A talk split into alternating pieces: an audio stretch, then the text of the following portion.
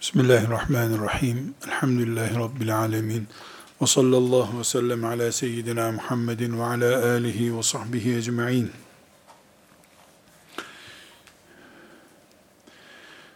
Bu yaşadığımız hayatın imtihan oluşu, bunun fitne adını verdiğimiz bir süreci ihtiva ettiğini konuştuktan sonra bir hakikati çok acı bir şekilde bizim zamanımızla bağlantılı hale getirmek zorunda kalıyoruz.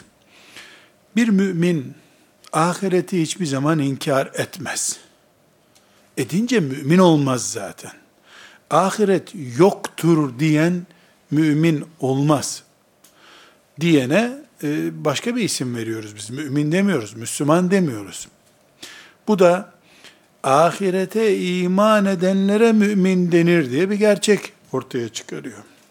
Şimdi Kur'an-ı Kerim farklı ayetlerde insanın genlerinde ihtiva ettiği bir hastalığa işaret ediyor. Müminun suresinin 37. ayeti, En'am suresinin 29. ayeti, Câthiye suresinin 24. ayeti, bu üç ayet ve Tekasür suresi, Kur'an-ı Kerim'de Elhâkumut tekâsür hatta zurtumul makabir diye başlayan bu dört ayet bloku, insanda bir hastalığı karşımıza koyuyor. Nedir o? Bulunduğun fırsatı sonuna kadar değerlendirmek, sonrasını düşünmemek. Bu sözünü ettiğim ayetlerde Müminun suresi, En'am suresi ve Câthiye suresinin ayetlerinde mantık şu, in hiye illa hayatuna dünya, nemutu ve nahya. Şu dünya hayatıdır hayat dediğin derler diyor Allahu Teala. Farklı üsluplarla bu üç surenin üç farklı ayetinde müşriklerin yani ahirete hiç iman etmeyenlerin mantığını Rabbimiz önümüze koyuyor. Ellerindeki dünyayı sonuna kadar onların kullanacağı bir fırsat haline getiriyor. İnhiye illa hayatünet dünya. Yok bu dünyadan başkası yok derler diyor. Bu birinci gerçek. Ama mümin ahirete iman eden insandır. Dolayısıyla mümin çıkıp da yok ahiret bu dünya var demez. Dese mümin olmaz zaten dedik. Ahireti inkar edenin, öldükten sonra dirilmeyi inkar edenin imanı yok. Müslümanlığın farkı da bu zaten. Fakat buradaki ince çizgi şudur. Mümin ahireti inkar etmez. Ben dünya için varım. Ahiret yoktur demez. Ama ahireti inkar edenlerin hastalığının belirtisi müminde olur. Olabilir. Nedir bu hastalığın belirtisi? Yani ahireti inkar edenler ne diyorlar? Yok ki ötesi. Varsa yoksa şu dünya var. Mümin var. Ötesi var bunun. Ahireti var diyor. Ama pratiğe gelince sadece bu dünya varmış gibi çalışıyor bu sefer. Ne gibi bu? Mesela mümin sabah namazına kalkamıyor. Ciddi bir şekilde her sabah namazının cehennemde şu kadar zaman yanmak anlamına geldiğine yüzde yüz iman eden birisi, ahireti bu şekilde kanı iliği haline getirmiş birisi sabah namazı kaçırabilir mi? Beş defa, on defa kaçırır bir ömür boyu. Kafirlerdeki hastalık ahireti yok saymaları, onu uzak bir ihtimal görmeleridir. Müminse esasen ahirete iman eden birisidir ama bir türlü imanı aktif hale gelip cenneti ve cehennemi gözünün önünde seyreder gibi olmuyor. Bu sebeple elhâkumut tekâsur hatta zurtumul makabir. Şu kabirlere giresiye oldunuz. Yani neredeyse kabre gireceksiniz. Hala biriktirme, çokluk, evlat ve mal çokluğunun peşindesiniz. İkazı müminin en temel işaret noktalarından birisi olması gerekiyor. Kabre girinceye kadar, kendisi dört kişinin omuzunda mezara getirilinceye kadar kıpırdamayan insan, mümin insan olmamalı. Yani anlıyor, iş işten geçince anlıyor. Öyle değil. Bir gün mezara girileceğini ve mezardan sonra asıl cennet veya cehennem hayatının başlayacağını anlayan insan, mümin insandır. Düşünmeliyiz. Burada arkadaşlar, bu bir hastalık tespitiydi. Bundan önceki dersimizde de hastalığı tespit ettik. Nedir bu hastalık? Dünya bir imtihan yeridir. Bu imtihana aldanabiliyoruz. Hazırlanamayabiliyoruz. Aksi takdirde biz imtihan olduğunu biliyorduk. Ashab-ı kiramın yaşadığı imtihanla kendimiz arasında bir bağlantı kuramadık bir türlü. Onlar kendi imtihanlarını yaşadılar. Biz de bizim çapımızda bir imtihan yaşayıp kulluk yapıp Rabbimize kavuşacağız. Bir türlü bu formülü oluşturamadık. Peki burada derin bir soru sormam durumunda hissediyorum kendimi. Nedir bu soru? Şimdi ayette Tevbe suresinin ayetinde 8 şey saydı allah Teala. Sonra da bunları biz e, Fatır suresinin 5. ayetinde tuttuk. Dünya olduğu gibi bir imtihandır dedik. Dekorludur, süslüdür dedik. Hadisi şerifi Efendimiz sallallahu aleyhi ve sellemin hadisini Müslim'den aldık. allah Teala bu imtihanı böyle cazip bir şekilde tatlı, yeşil bir dünya olarak önünüze koyacak. Hazır olun. Yanzura keyfe teamelun ne yapacağınızı Allah görecek. Kazandıktan sonra dünya malını seni çevirecek mi dünya malı? Çoluk çocuğun olduktan sonra o edebiyatı yapacaksın mı? Evlenmeden çocuklarımı Allah'a adayacağım diyorsun. Sonra Allah'a giden hiçbir yola sokmuyorsun çocukları. Varken de yok gibi olabilecek mi Müslüman? Bütün bunları konuştuk. Şimdi bir Müslüman olarak şunu sormak zorundayım. Bu hastalık nereden bulaşıyor? Veya bu hastalığa korunmaya karşı Rabbim bana bir e, tedbir, tavsiyede bulundu mu? Elbette. Allahu Teala tehlikeyi gösterip başınızın çaresine bakın demiyor. Tehlikeyi gösteriyor, korunma yollarını da gösteriyor. Korunmadan sonraki veya korunmadan ki e, yaşam tarzının akıbeti cenneti, cehennemi de gösteriyor. Kardeşlerim, Dünya imtihanı, işte saydık çocuklar, eşler, aşiret, ekraba vesaire bunlar do, dolambaçlı isimler. Dünyanın fitne oluşu, bizim fitne ile iç içe yaşadığımız şey üç temel hastalıktır. Dünya sevgisi, mal sevgisi ve tuğli emel diye eskilerimizin özetlediği uzun vadeli planlardır. Dünya sevgisi, mal sevgisi ve tuğli emel. Tuğli emel, uzun planlar yapmak, çok uzun vadeli anlayış sahibi olmak demek. Tuğli emeli, Kur'an-ı Kerim, bin yıl yaşasa da diye eski kavimlerden, eski kavimleri bize göstermek onlardan biri bin yıl yaşasa yetmez ona bu dünya. Yani bir nihayetinde 80-90 seneyi bulur veya bulmaz olsa da, yüzü geçmez bir hayatı olduğunu biliyor. Böyle düşünüyor, iman ediyor ama kafası bin yıldan fazlaya ayarla. Biriktirdiği şeyler bin yıl harcasa bitmez hala devamını düşünüyor. Üç hastalık arkadaşlar. Böyle uzun uzun isimlere takılma yerine bizim imanımızı kemiren veya Müslümanlığımızda şu eğer Allah'tan peygamberinden ve Allah yolunda cihattan daha değerli mi görüyorsunuz demeye getiren Tevbe suresinin 24. ayetindeki o hassasiyetler temelde üç kaypak zeminden kayıp gidiyor. Ya da bizim iç içe olduğumuz ama sıyrılmak zorunda olduğumuz üç fitne var. Birincisi dünya sevgisi. İkincisi mal sevgisi. Üçüncüsü de tuğle emeldir. Bu üç sevgiyi kontrol altına alabilmek veya alamamak, Müslümanın hayatında başarmak ya da başarmamaktır.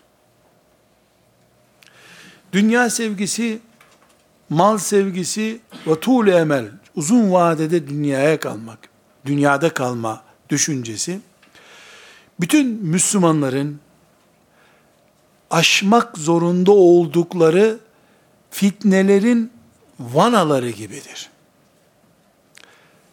Resulullah sallallahu aleyhi ve sellemi hatırlayınız arkadaşlar.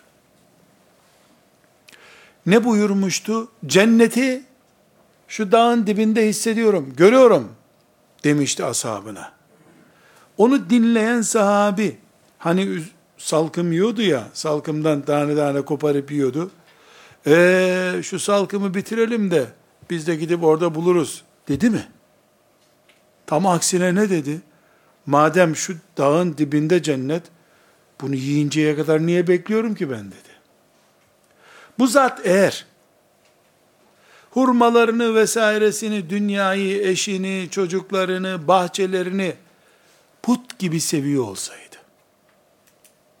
malına tapınıyor olsaydı, emekli olduktan sonra hacca gideceğim inşallah, torunlarımla beraber onların sünnetlerini de yaptıracağım inşallah diye, emekliliğine 25 sene var, 25 sene sonrasının kalkınma planlarını yapıyor olsaydı, o salkımı fırlatıp şehadete koşabilir miydi? Ashab-ı kiram dezenfekte yaparken dünyayı kir olarak gördüler. Ali ne dedi? Ey dünya seni boşadım uzak dur benden dedi. Dünya sevgisini attı gittiler. Dünyayı sadece bir ağacın altında dinlenmek zorunda olan misafirin, yolcunun kaldığı zaman ve yer olarak gördüler. Onu kafire de bırakmadılar, kendilerine secde taşı olarak da tayin etmediler. Ne kafire bıraktılar onu, ne kendileri secde ettiler dünyaya. Mal aynı şekilde. Ve Rabbime ne zaman kavuşacağım dedikleri gün saydılar. İntihar etmediler erken gidelim diye. Ama 25 sene sonra emekli olacak, ondan 25 sene sonra da hacca gidecek, ondan 25 sene sonra da takva adam olacak diye sanal bir hayat da yaşamadılar. Onlardan birini terbiye ederken Resulullah sallallahu aleyhi ve sellem nasıl terbiye etti? Akşama ulaştıysan sabahı bekleyip durma dedi. Sabahı gördüysen akşamı bekleyip durma. 10 bin sene yaşasalar yetecek kadar imanları var elhamdülillah. Ama 10 sene sonrasının planları yok ellerinde. Varsa da cihat üzerine kurulu. Tuğlu emeli olan birisi, yıllar sonrasına planları olan birisi, hiçbir şekilde cennet hesabı yapamaz. Çünkü cennet onun gözünde hep bir sonraya ertelenen değerdir. Cennete gelince hep bir sonra, hep bir sonra. İnşallah, inşallah. Arsa, mülk, konut olunca hemen, hemen. Cennet inşallah, para, makam, force, başkanlık, liderlik hemen, hemen, hemen. Onun ertelemesi mümkün değil. Emekli olduktan sonra inşallah dünyalığım olur yok. Emekli olmadan bu dünya onun olacak. Cennet ve cennetin sebepleri olan ibadetler, zühd, cihat inşallah, inşallah. ileri. Art, ertele gitsin, ertele gitsin. O erteleme 10 bin sene, 10 bin sene zararı yok. Hep sonra inşallah, inşallah. Zaten inşallah değerli bir kılıf onun için. Burada meselemiz ne kardeşler? Cennet bu gözle görülünce uğruna namaza kalkmak bile zor oluyor. Cennet burnunda tütseydi birisinin salkımı fırlatıp atacaktı zaten. Attı nitekim. Enes İbni Malik'in annesinin gözünde cennet tütmeseydi çocuğunu elinden tutup sana hediyedir ya Resulallah diye getiremezdi.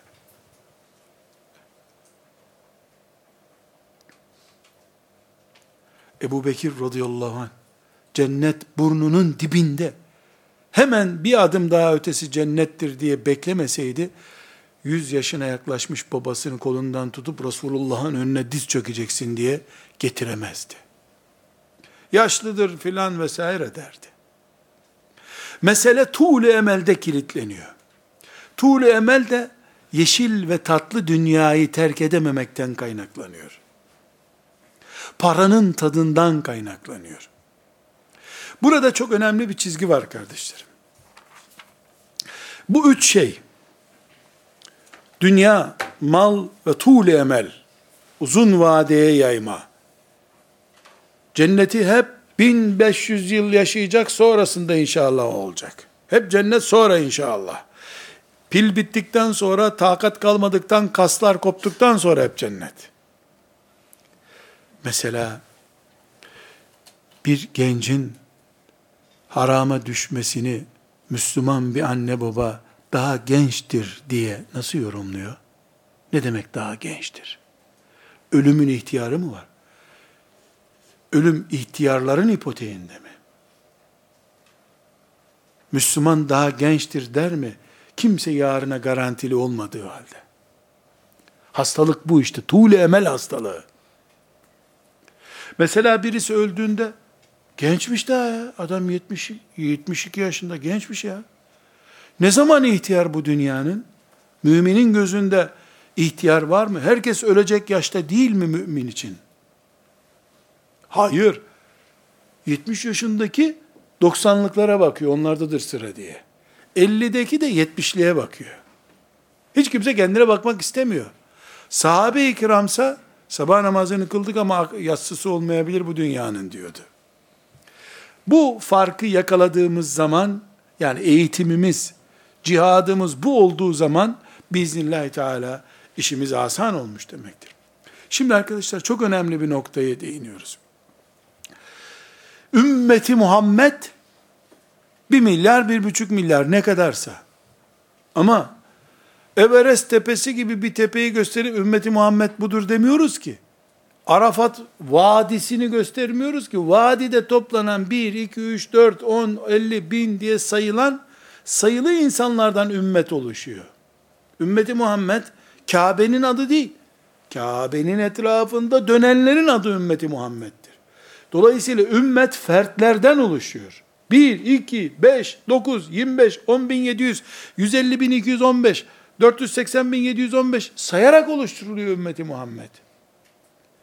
Dolayısıyla bir gencin tuğle emel hastalığına yakalanmış olması, ahireti hep erteleyen hastalığa yakalanmış. Dünyanın bir kadının gözünde çok tatlı, çok cazip, terk edilemez olması, bir Müslüman gencin veya ihtiyarın cebindeki parayı put gibi kabul etmesi, bir kişi, iki kişi, yedi kişi, bin kişi derken ümmet hastalığına dönüşüyor.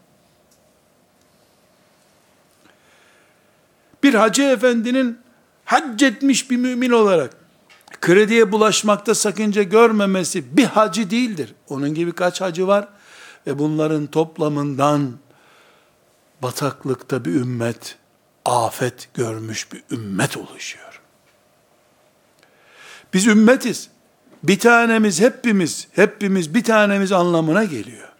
Zina yapılıyor olduğu sürece dünya üzerinde, faiz işleniyor olduğu sürece, namaz kılınmıyor olduğu sürece, veya herhangi bir hastalık bir şekilde ümmetin gençlerinin arasında yayılıyor olduğu sürece, Kur'an ihmal ediliyor olduğu sürece velev ki bir bölgede ihmal edilsin, bir köyde ihmal edilsin.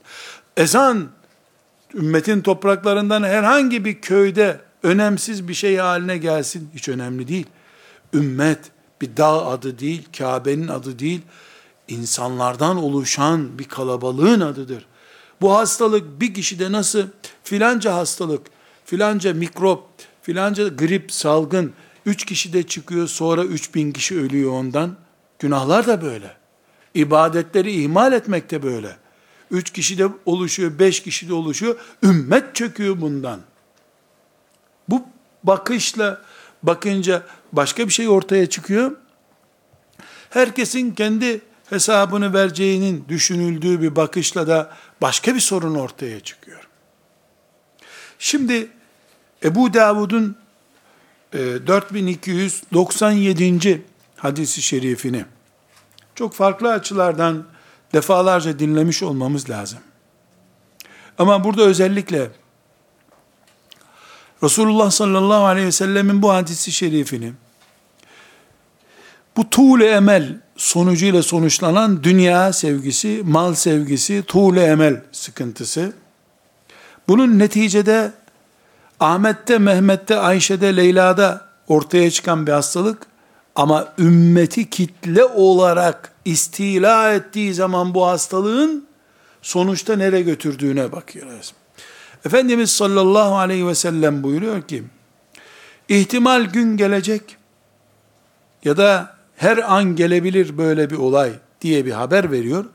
Buyuruyor ki bütün dünya milletleri toplanıp aç insanların bir sofraya üşüştüğü gibi size üşüştükleri, üzerinize saldırdıkları gün gelecektir buyuruyor. Bütün dünya milletlerinin size saldırdığı gün gelecektir.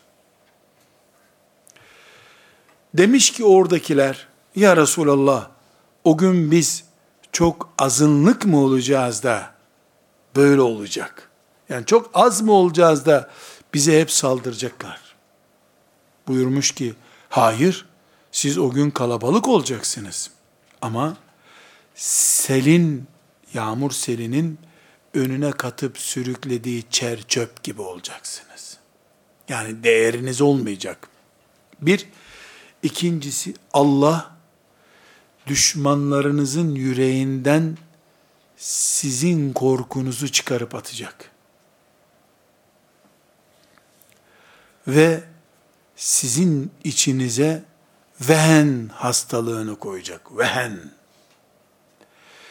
Nedir vehen ya Resulallah diye sormuşlar. Dünyayı sevmek ve ölümden nefret etmektir buyurmuş. Dünyayı seven, dünyadan ayıran ölümü sevmez. Ölümden nefret eden, dünyayı sever. Şimdi arkadaşlar çok rahat bir şekilde tefekkür edip Irak'tan, Suriye'den, Yemen'den, Afganistan'dan, Pakistan'dan vesaire ümmeti Muhammed'in coğrafyasını görmeye çalışalım.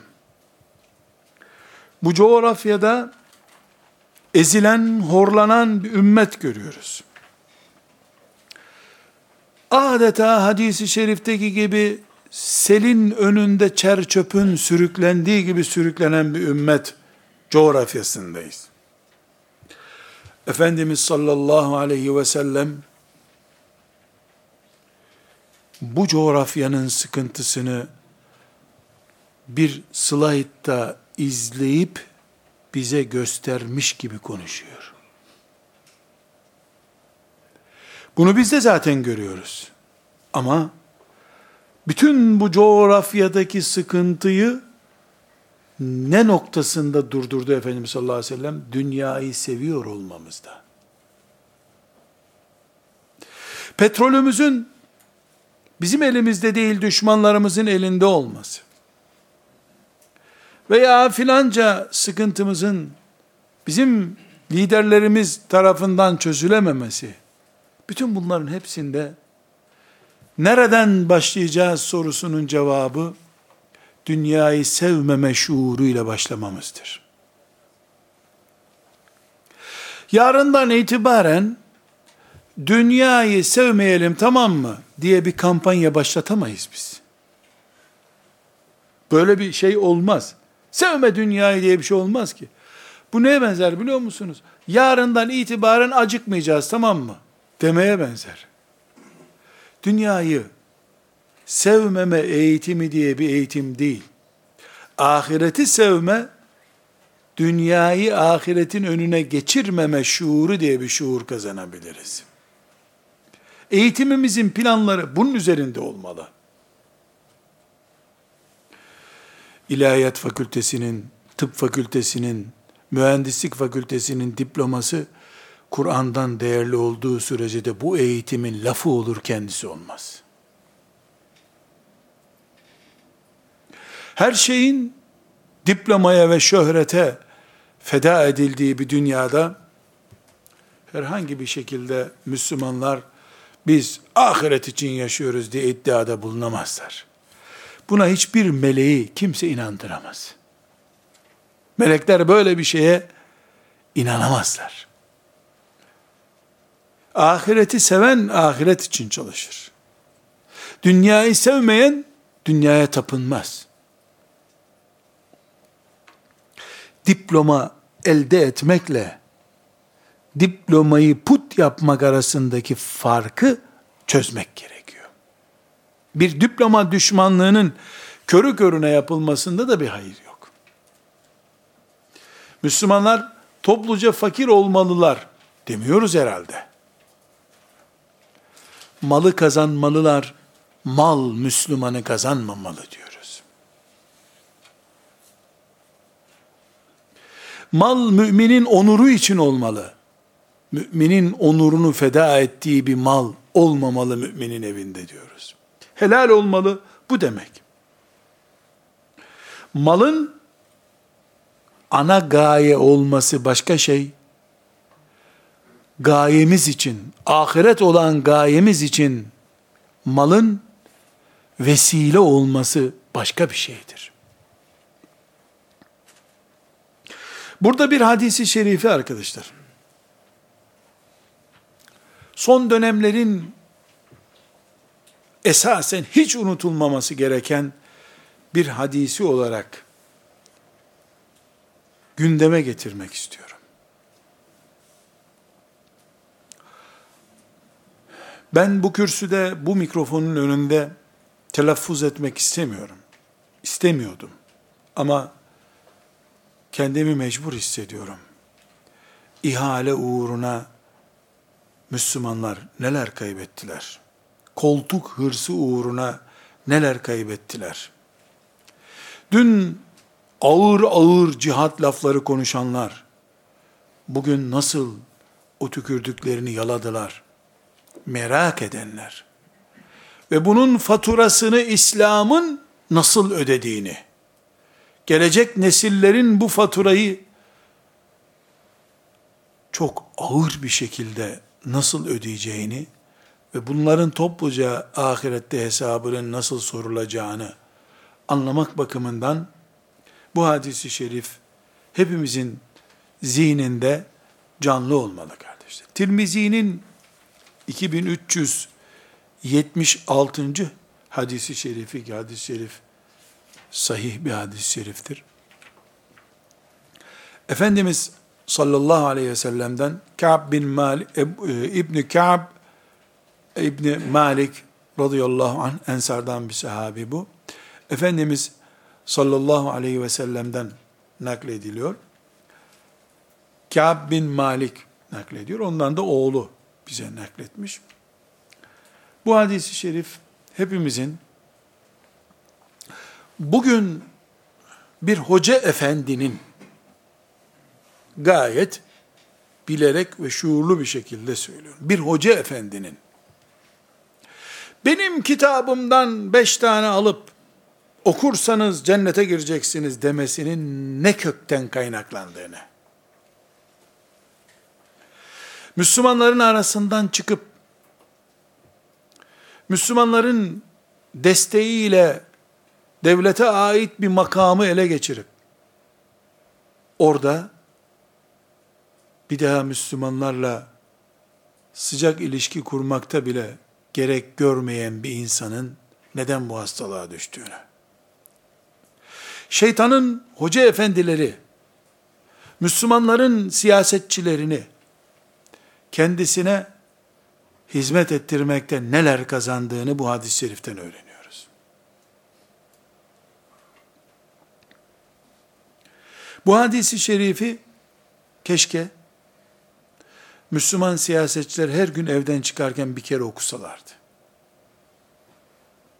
Keşke hoca efendiler, ümmeti Muhammed'in Kur'an'dan metrelerce uzaklarda yaşadığı bir dönemde, Kur'an okuyup para kazanmanın, Yasin okuyup para almanın, ölen bir Müslümanın evine gidip emri bin maruf yapıp, onu Allah çocuklarını ve ailesini Allah'a yaklaştırmak için iyi bir fırsat olduğunu düşünmeleri gerektiği halde.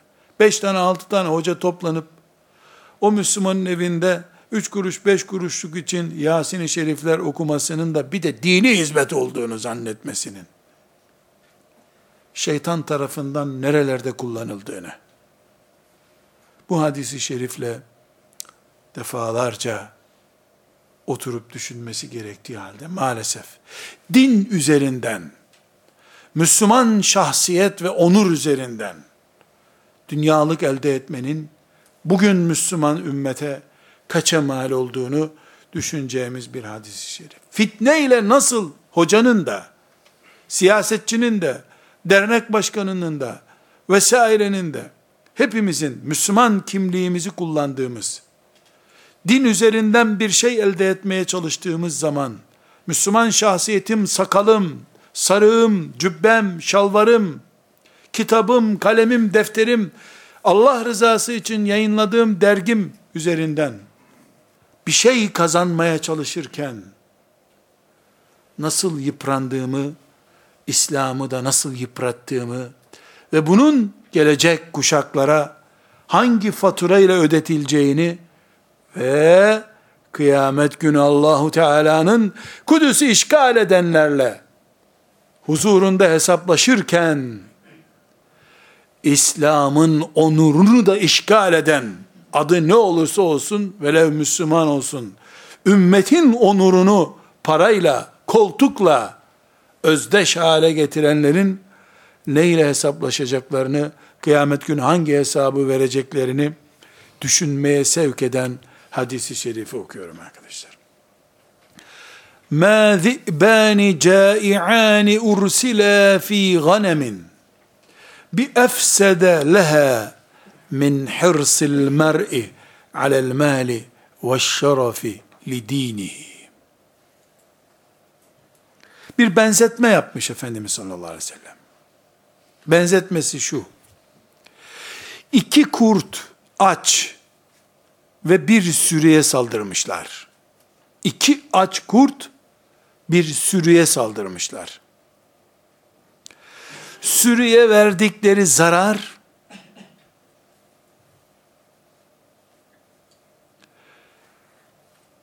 kişinin mal ve makam hırsıyla dinine verdiği zarardan daha fazla değildir.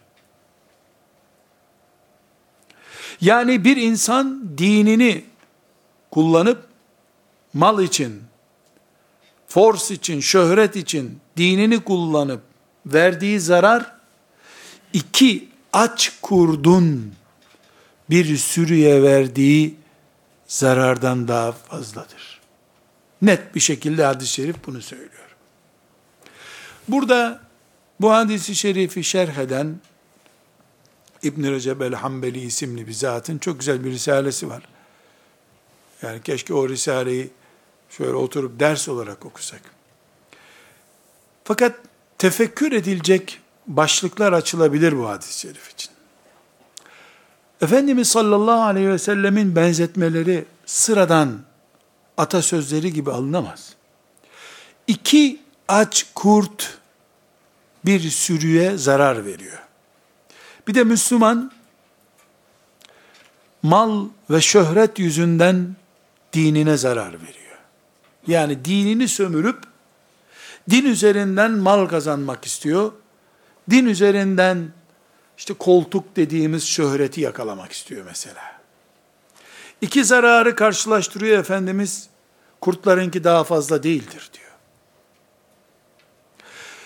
Burada belki çobanlık yapan insanların daha iyi anlayacakları bir benzetme yapıyor Efendimiz sallallahu aleyhi ve sellem. Bir kurt demiyor ama. İki kurt bir sürüye saldırmışlar. Bu şöyle bir gerçekmiş. Daha sonra hadis-i şerifi şerh eden alimlerden öğreniyoruz. Bir kurt koyunu bulduğunda yakalar, boğar, yer götürürmüş. İki kurt bir sürüye saldırdıklarında birer kuzu kapıp kaçmazlarmış. Ne yaparlarmış? Kurt kanunu. Diyor şair, kuzulara şah olsa hani. Kurt kanunu şuymuş. Sürüye saldırdıklarında, boş bulduklarında sürüyü, sürünün köpeği, çobanı yoksa, koyunları sırayla boğarlarmış.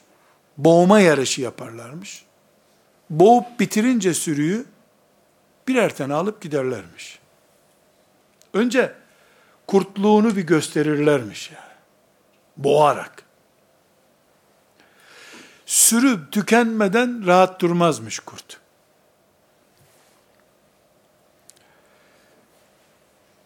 Bu hadisi şerifi benzetmesi üzerinden anladığımız zaman Müslüman bir kere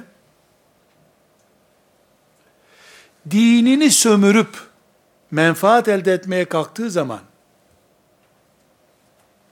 bunu para veya koltuk hırsıyla yapmaya bir dadandı mı mümin? Din kökten elinden gitmeden oturup yeter bu kadar sömürdüm dinimi demezmiş. Hadis-i şeriften anlaşılıyor. Dinini de kim kullanır? Dindar olan kullanır zaten.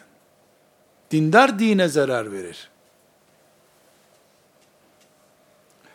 Hadis-i şerif, ya aslında şu manaya da gelirdi, bu manaya gelirdi diye evirip çevirmeye gerek yok. Müslüman dinini kullanıp sakalını, hocalığını, hacılığını kullanıp zarar vermeye başladığında bu yer yer Yahudinin zararından da ağırdır. Menkıbe kitaplarına ait bir olay bu. Nakledeceğim şimdi. Ayet değil, hadis değil. Sadece dersimizin ağırlığını hafifletmek için anlatıyorum. Ama menkıbe kitaplarımızda var. Bir adam İbrahim aleyhisselam zamanında sapanla bir kuşu vurmuş, yaralamış. Kuş da gelip İbrahim aleyhisselama şikayet etmiş. Filanca, şu İbrahim aleyhisselam hayvanların lisanını anlıyordu. Şikayet etmiş. Beni filanca yaraladı demiş. Nereni yaraladı demiş. Ayağımı yaraladı demiş. İbrahim Aleyhisselam o adamı buldurtmuş, getirmiş. Bunu niye yaraladın demiş.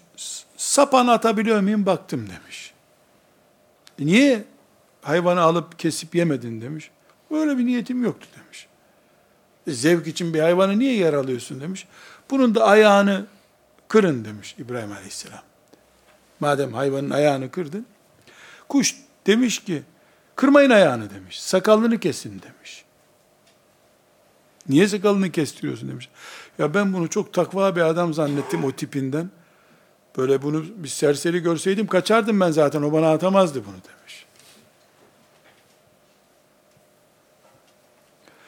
Bu ayet değil, hadis değil. Böyle ders ortasında yorulunca anlatılacak bir fıkra gibi bir şey. Ama özü çok doğru.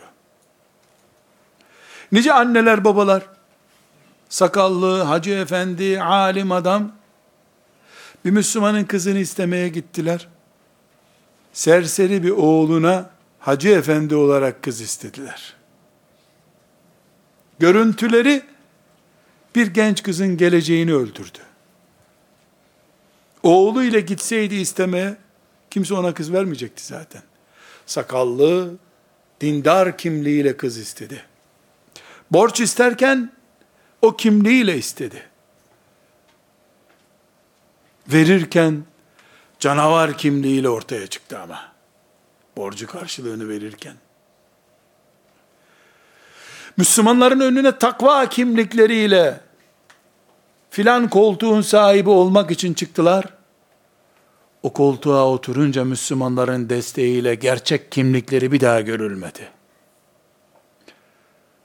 Paraya düşkün kimlikleriyle, sekretere dayanamaz kimlikleriyle bu sefer ortaya çıktılar.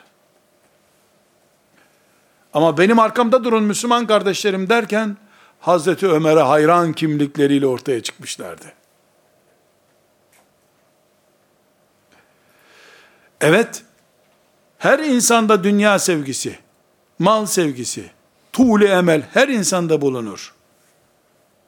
Ama savaşımız, cihadımız bizim, nefis cihadımız bu hastalıklara esir olmadan yaşama cihadıydı.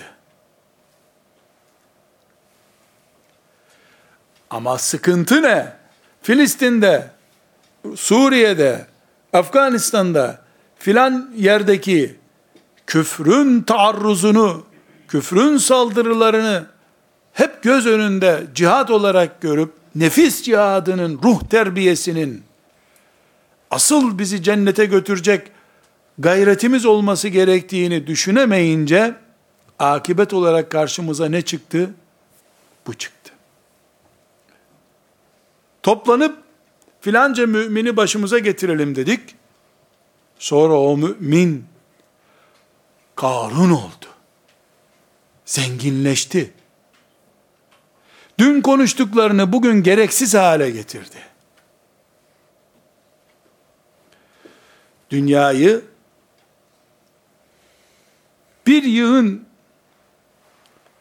enleminden boylamından değil, sadece uzaydan bir köşesinden seyredebilen insan hastalığı bu.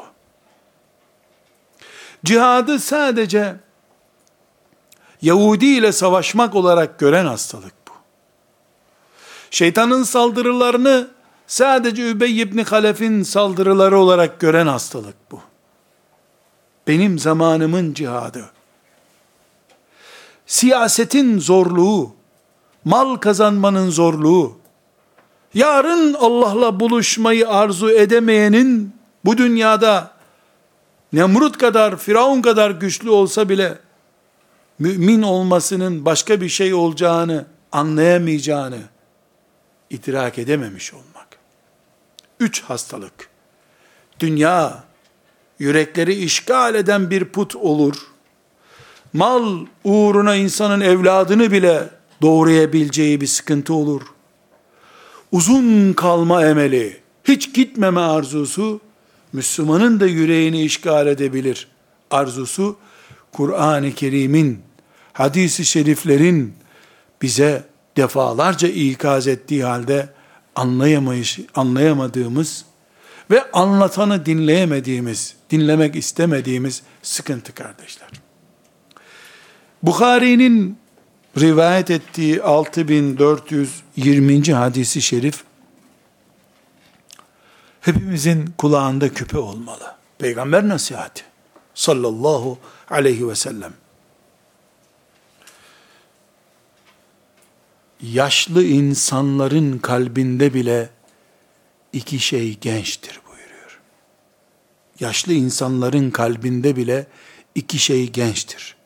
Dünya sevgisi ve uzun emel. Dünya sevgisi ve uzun emel. Bir fıkra daha anlatmak zorundayım. Bu kadar ayetin ağırlığı içerisinde konu uyuma nedeni olabilir. Ben bir fıkra daha anlatayım. Bu fıkra bildiğim, yaşadığım bir arkadaşımın başına gelmiş fıkra. Fıkra diyorum, hani şöyle bir rahat edilsin diye. Bir arkadaşımın babası Trabzon'da yaşıyordu. 90 küsür yaşında. Telefon etmişler. Baban çok ağır. Çabuk gel demişler. O da Almanya'da yaşıyordu. Atlamış gelmiş.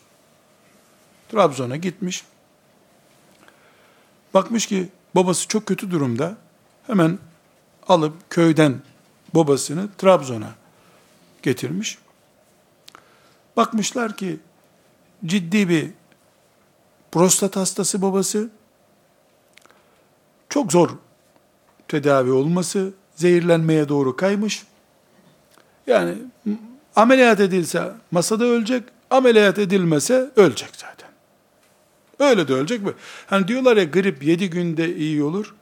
Tedavi olursan, tedavi olmazsan bir haftada iyi olur. Onun gibi bir şey bu. Demişler. Sonra doktorlar nerede tedavi ettiriyorsa demişler ki vezneyle bir görüşün önce demişler. İşte ödemenizi ayarlayalım ona göre demişler. Bu da görüşmüş şu kadar para Almanyalı olduğu halde yanında para yok. Ee, babasına demiş ki baba sana gönderdiğim paraları bankaya yatırıyorduk ya, ucuzdan yanında mı? Yanında oğlum demiş. Çıkarmış cebinden. Ne yapacaksın bunu demiş babası. Orada bu konuşmaları dinlemiş babası ama. Yani yolcu olduğunu, ameliyat edilse de edilmese de öleceğini konuşmuşlar. Baba demiş, üzerimdeki paralar yetmiyor. Bunları hemen yatıralım vezneye, garanti olsun. Ne kadar yatıracaksın demiş. İşte şu kadar istiyorlar demiş. Bakmış, oğlum demiş. Öyle her istendiğinde para harcanmaz. Vazgeçelim, dar bir zamanda lazım olur bu bize demiş. Hastaneden çıkmamış babası ama. Bunlar öyle konuşurken, dar bir zamanı beklerken gitmiş ahirete. Tuğlu emel budur işte. Sana doktor diyor ki ameliyat etsem de etmesem de sen Gideceksin ameliyat edersem rahat öleceksin narkozla. Etmesem zaten zehirlenmiş, prostat zehirlenmesi mi nasıl bir hastalıksa öleceksin demiş. E çocuğun bunu feda ediyor, o göndermiş sana bu paraları zaten. Yenisini de çocuğun verecek harcarsan o anda üzerinde yok adamın. Dar bir zamanda lazım olur demiş. Ne zaman bu dar zaman? Yüz yaşına yaklaşmışsın. Kurban olduğum peygamberim sallallahu aleyhi ve sellem ne güzel buyuruyor yaşlının kalbinde de iki şey hep gençtir. Dünya sevgisi ve tuğle emel. Sonra, hep sonra.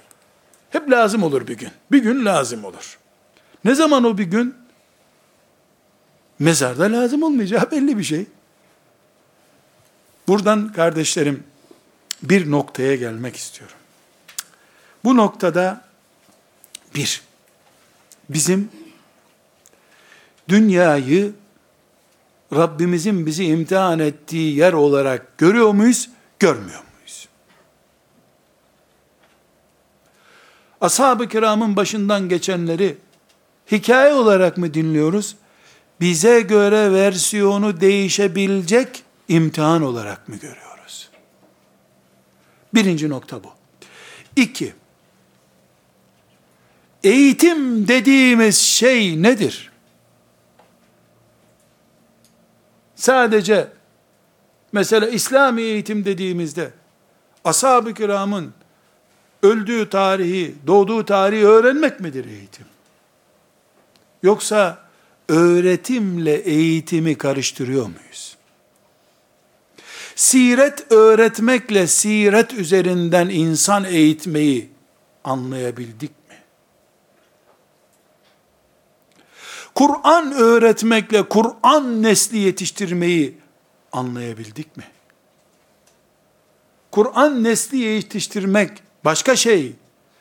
Bol bol Kur'an okuyup üzerinden geçimini sağlayan birini yetiştirmek başka şey. Bunu anlayabildik mi? Rabbimiz dünyaya aldanmayın ha. Allah'a karşı sizi kimse aldatmasın diye Fatır suresinden ikaz ettiği ayeti Sesi güzel bir hafızdan dinlerken maşallah ne güzel okudu diyoruz da acaba dünyaya aldandık mı biz diye test yapıyor muyuz?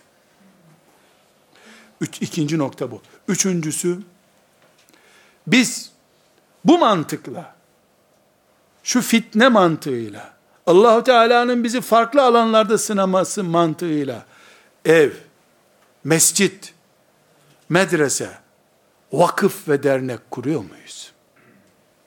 Yani evimiz bu değerlerin test edildiği bir yer mi?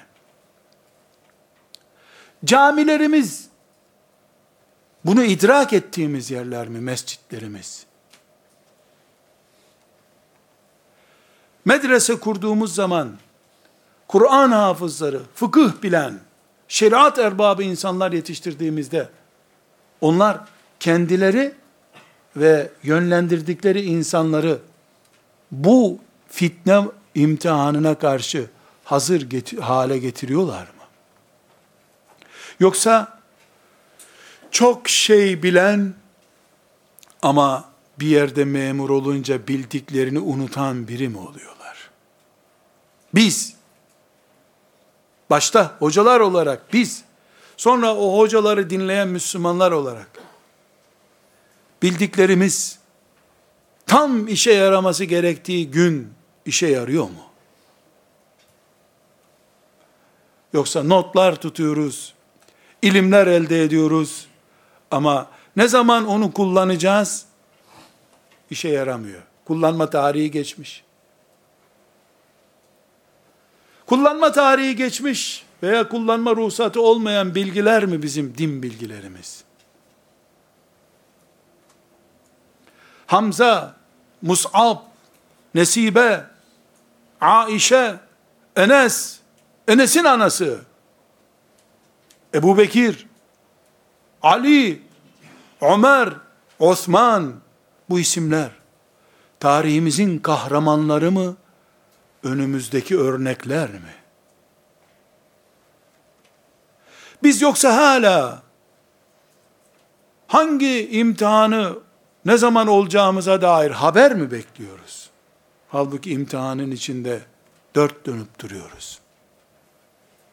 Kurduğumuz vakıflarımız, derneklerimiz cami derneğinden filan kalkınma, kalkındırma derneğine varıncaya kadar, Müslüman gençler yetiştirme dernekleri vakıflarına, Kur'an eğitimi, Kur'an hizmeti vakıfları derneklerine kadar, o vakfın kendisinin bile bir fitne olduğunu, yer yer Allah'ın şeriatını kavrama ve kavratma ve yaşatmaya engelin o vakıf olabileceğini düşünebiliyor muyuz? Elimizdeki ilacın hastalığın gecikme nedeni olabileceğini düşünebiliyor muyuz? İlacın varlığının bir rehavet oluşturduğunu, o rehavetin bizi biraz daha bocalattığını düşünebiliyor muyuz? Ve dördüncü noktamız. Hesap yerine doğru giden Müslümanlar olarak, hesap yerinden önce muhasebe yaptık mı hiç?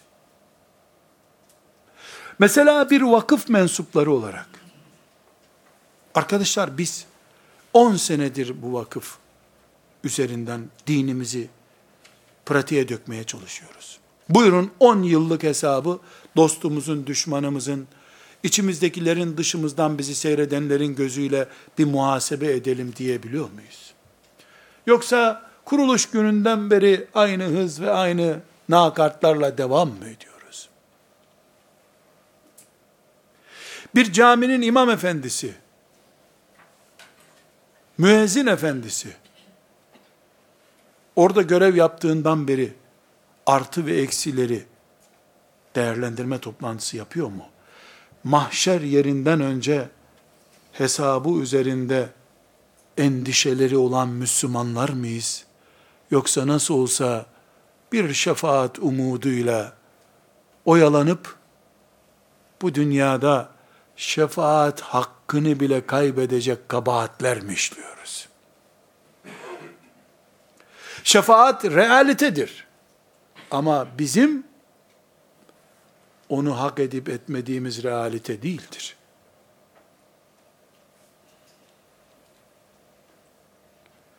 Oturup muhasebe yapıyor muyuz? Yoksa muhasebeye ihtiyacı olmadan yaşama tuzağına yakalandık mı? Tekrar toparlayacak olursak kardeşler. Rabbimiz bu dünyayı biz imtihan olalım diye yarattı. Biz de imtihan olacak insanlarız. Bizim kafirlerden farkımız imtihan için geldiğimizi biliriz biz. Beni Rabbim nasıl imtihan edeceğini de çok gayet açık bir şekilde bana anlattı. Bilal'in imtihanı Bilallik imtihandı. Benim imtihanım da bana göredir. Babadan, anneden, eşten, çocuktan, maldan, çevreden, komşudan, dünya denen şeyden ben imtihan olacağım. Dünya benim önüme internet olarak geldiği bir zamanda Darun Nedve diye bir imtihanım olmaz benim. Ben Übey ibn Halef'i arayamam. Çünkü medya diye bir dünyada yaşıyorum ben. Çevrem medya diye kuşatılmış. Paranın internet üzerinden maaş olarak ödendiği bir zamanda Kureyş'in altınları diye bir imtihan çeşidi olur mu? Her şey internet şifresi üzerinden ben Kureyş'in altın ve gümüşü, dinar ve dirhemi diye bir imtihan bekleyemem ki. O Kureyş'in imtihanıydı. Kureyş'e muhatap olan ashab-ı kiramın imtihanıydı. Radıyallahu anhum cemiyan. Basiretli olmam gerekiyor benim. Ben bugünün imtihanına muhatabım. Bugünü imtihan olarak geçiriyorum ben. Çoluk çocuk, aile, çevre, vakıf, dernek isime takılmadan bugün hayat ne üzerinden yaşanıyorsa ben onunla muhatabım Rabbim kendi öz doğurduğum çocuğumu bile bana imtihan konusu olarak fitne diye adlandırıyor. Bilin ki mallarınız ve evlatlarınız fitnedir diyor. O fitneyi aşıp gidebilen Allah katındaki ecri yakalayacaktır diyor. Fitne imtihan demek. Neyin peşinden koşuyorsam imtihanım odur. Siyasetin peşinden yıllarca koştuysam mahşer yerinde siyaset yüzünden bocalayacağım veya Resulullah sallallahu aleyhi ve sellemin havzu kevserine kavuşacağım demektir. Çocuk hayalim vardıysa çocuk üzerinden, eş hayalim vardıysa eş üzerinden, mal hayalim vardıysa mal üzerinden, şöhret diye bir tutukunluğum vardıysa şöhret üzerinden, neyin peşinde koşuyorduysam, mahşer yerinde onu omuzlarımda yük olarak göreceğim ben. Bunun için en başta dedik ki, ashab-ı kiramın siretini, Peygamber aleyhisselam efendimizin siretini okuyup, imtihanı onların imtihanı gibi sadece zannetmek yanılgıdır. Bu bir tuzak olabilir. Onların siretini okuyup, imtihanlarını anlayıp, heyecanlarını yakalayarak, şuurları ile şuurlanarak, internet üzerinden imtihan kazanmak zorundayız. İmtihan budur, şuur budur. Fitne ile iç içe olup Allah'ı ve rızasını kazanmak budur. Sallallahu ve sellem ala seyyidina Muhammed ve ala alihi ve sahbihi ecma'in velhamdülillahi rabbil alemin.